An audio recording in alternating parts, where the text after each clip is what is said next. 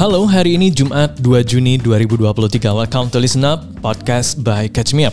Hari ini kita bakal bahas perebutan Ketua Umum Partai Demokrat, kriminalitas di Los Angeles, dan undang-undang anti homoseksual di Uganda. And now, let's catch up. Jujur ya, tiap hari ada aja drama perpolitikan di tanah air ini. Dan tiap hari bukannya makin anteng tapi makin juicy and spicy kayak ayam goreng favorit kamu ya.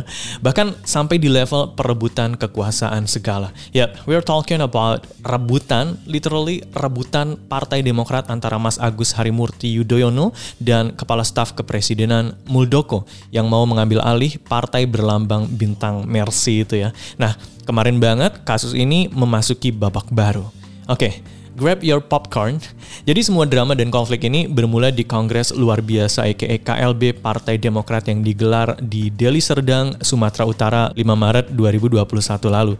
Hasil dari kongres itu kemudian memutuskan Kepala Staf Kepresidenan Muldoko sebagai ketua umum yang baru menggantikan Agus Harimurti Yudhoyono. Sampai sini everything seems fine, right? Kayak ya udah Pak Muldoko ketum baru gitu kan. Tapi plot twistnya adalah Mas AHY sebagai ketua umum itu nggak tahu sama sekali tentang KLB ini. Iya menurut Mas AHY KLB ini diadain diem-diem dan nggak jelas juga siapa yang hadir. Jadi pas tahu soal ini Mas AHY be like apaan sih nih? Drama banget bukan? Makanya sejak saat itu ada dua kubu di Partai Demokrat. Kubunya Mas Ahaye yang menyatakan KLB di Deli Serdang itu kegiatan ilegal. Sampai saat ini Mas Ahaye tetap ketum kami. Versus kubunya Pak Muldoko Hasil KLB jelas, Pak Muldoko ketum kami, titik.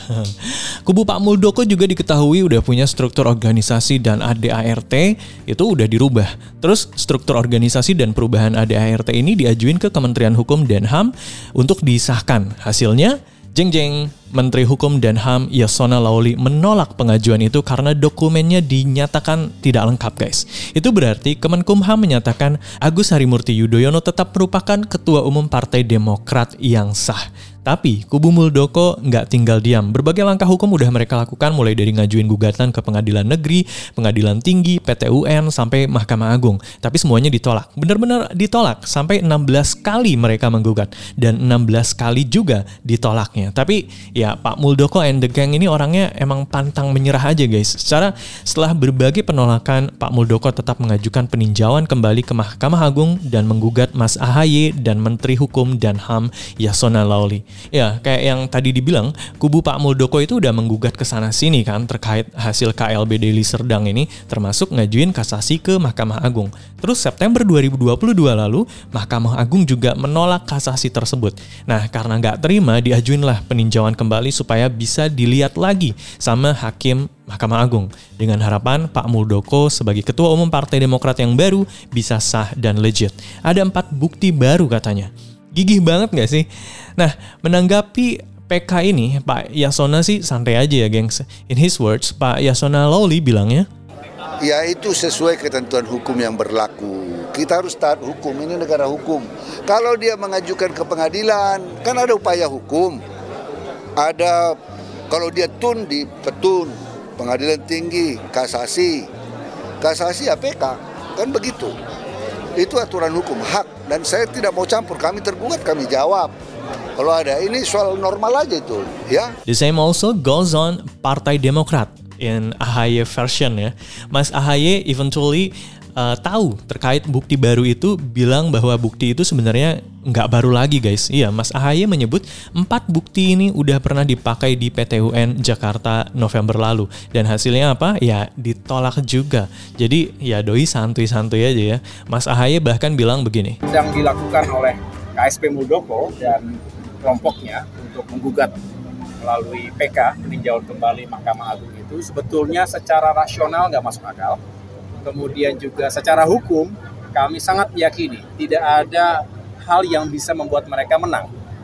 Karena 16 kali kami juga digugat selama ini, 16 kali kami bertemu di pengadilan, 16 kali pula kami menangkan semua perkara itu. Nah sekarang Mahkamah Agung diketahui udah mulai mengadili PK ini geng. Sampai berita ini ditulis, MA belum merilis siapa aja hakim yang bakal bertindak dalam PK ini. Jadi we are far from mengetahui putusan hakim MA terkait kasus ini. Biasanya sih MA ini butuh waktu sekitar tiga bulan sampai kita tahu resultnya bakal kayak apa.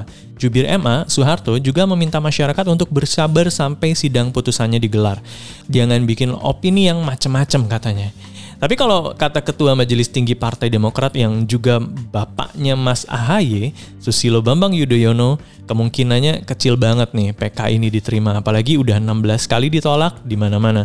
Lebih jauh, Pak SBY bilang Indonesia itu bukan negara predator di mana yang kuat memangsa yang lemah. Indonesia juga bukan negara yang menganut hukum rimba di mana yang kuat menang lawan yang lemah.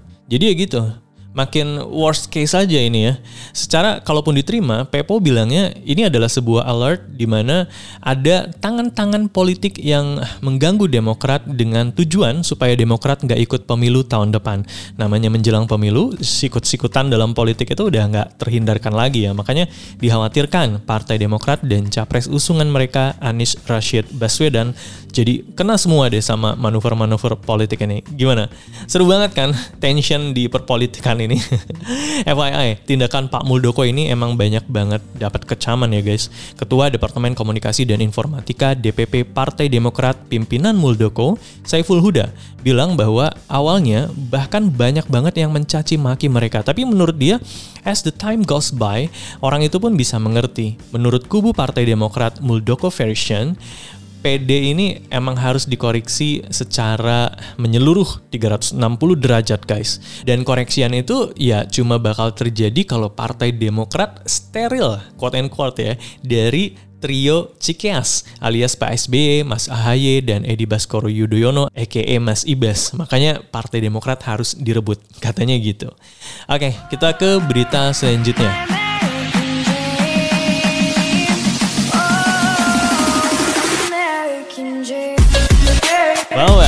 Buat kamu yang tergila-gila sama American Dreams, kamu harus tahu nih sama yang satu ini. Bisa jadi Amerika Serikat tuh nggak seindah itu ya.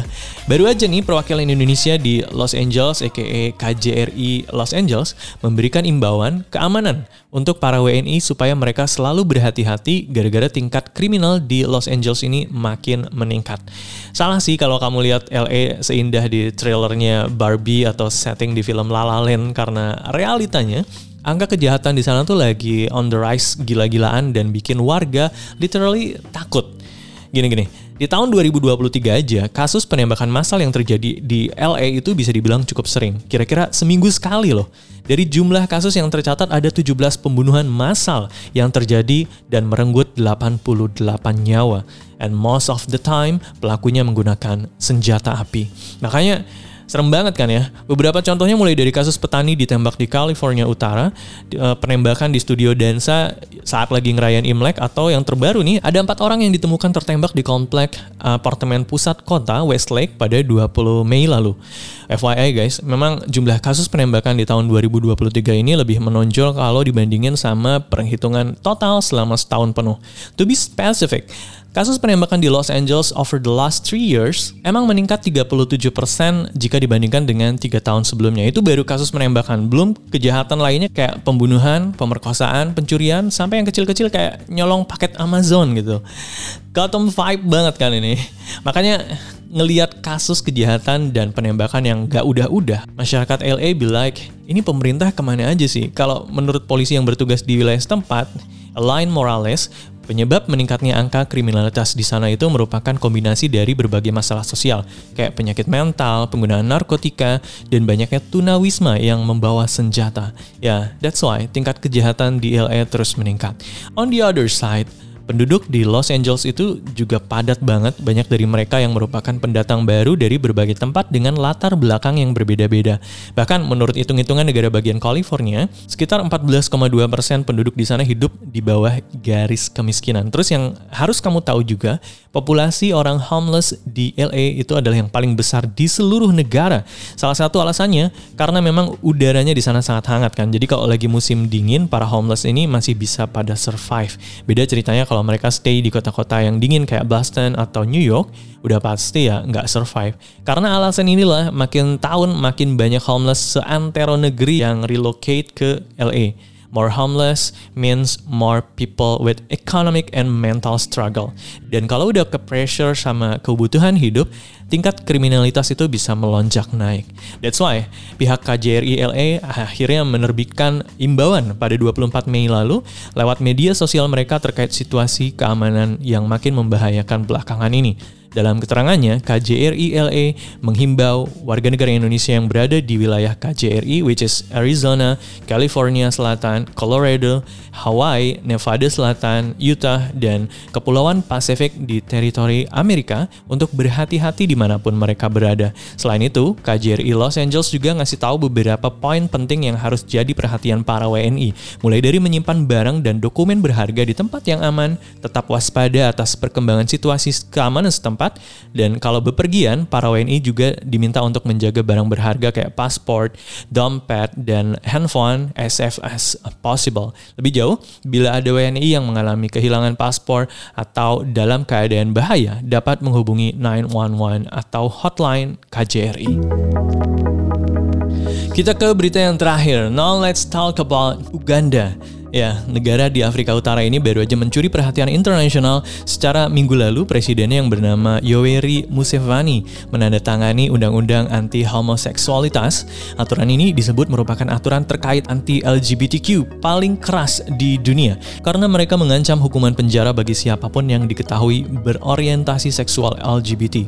Padahal memang same sex relationship itu dari dulu juga udah dilarang di sana. Tapi kini ada hukumannya. Kalau melakukan gay sex hukumannya bisa sampai 14 tahun penjara dan kalau sampai ada yang coba menjalin hubungan sesama jenis maka ancamannya adalah 10 tahun penjara. Selain di penjara, aturan baru ini juga mengancam hukuman mati bagi para pelaku quote unquote ya, masalah serius terkait homoseksualitas kayak having sex sama orang yang positif HIV, anak-anak di bawah umur dan kelompok vulnerable lainnya. Aturan baru ini langsung menuai protes dari negara barat dan berbagai lembaga HAM.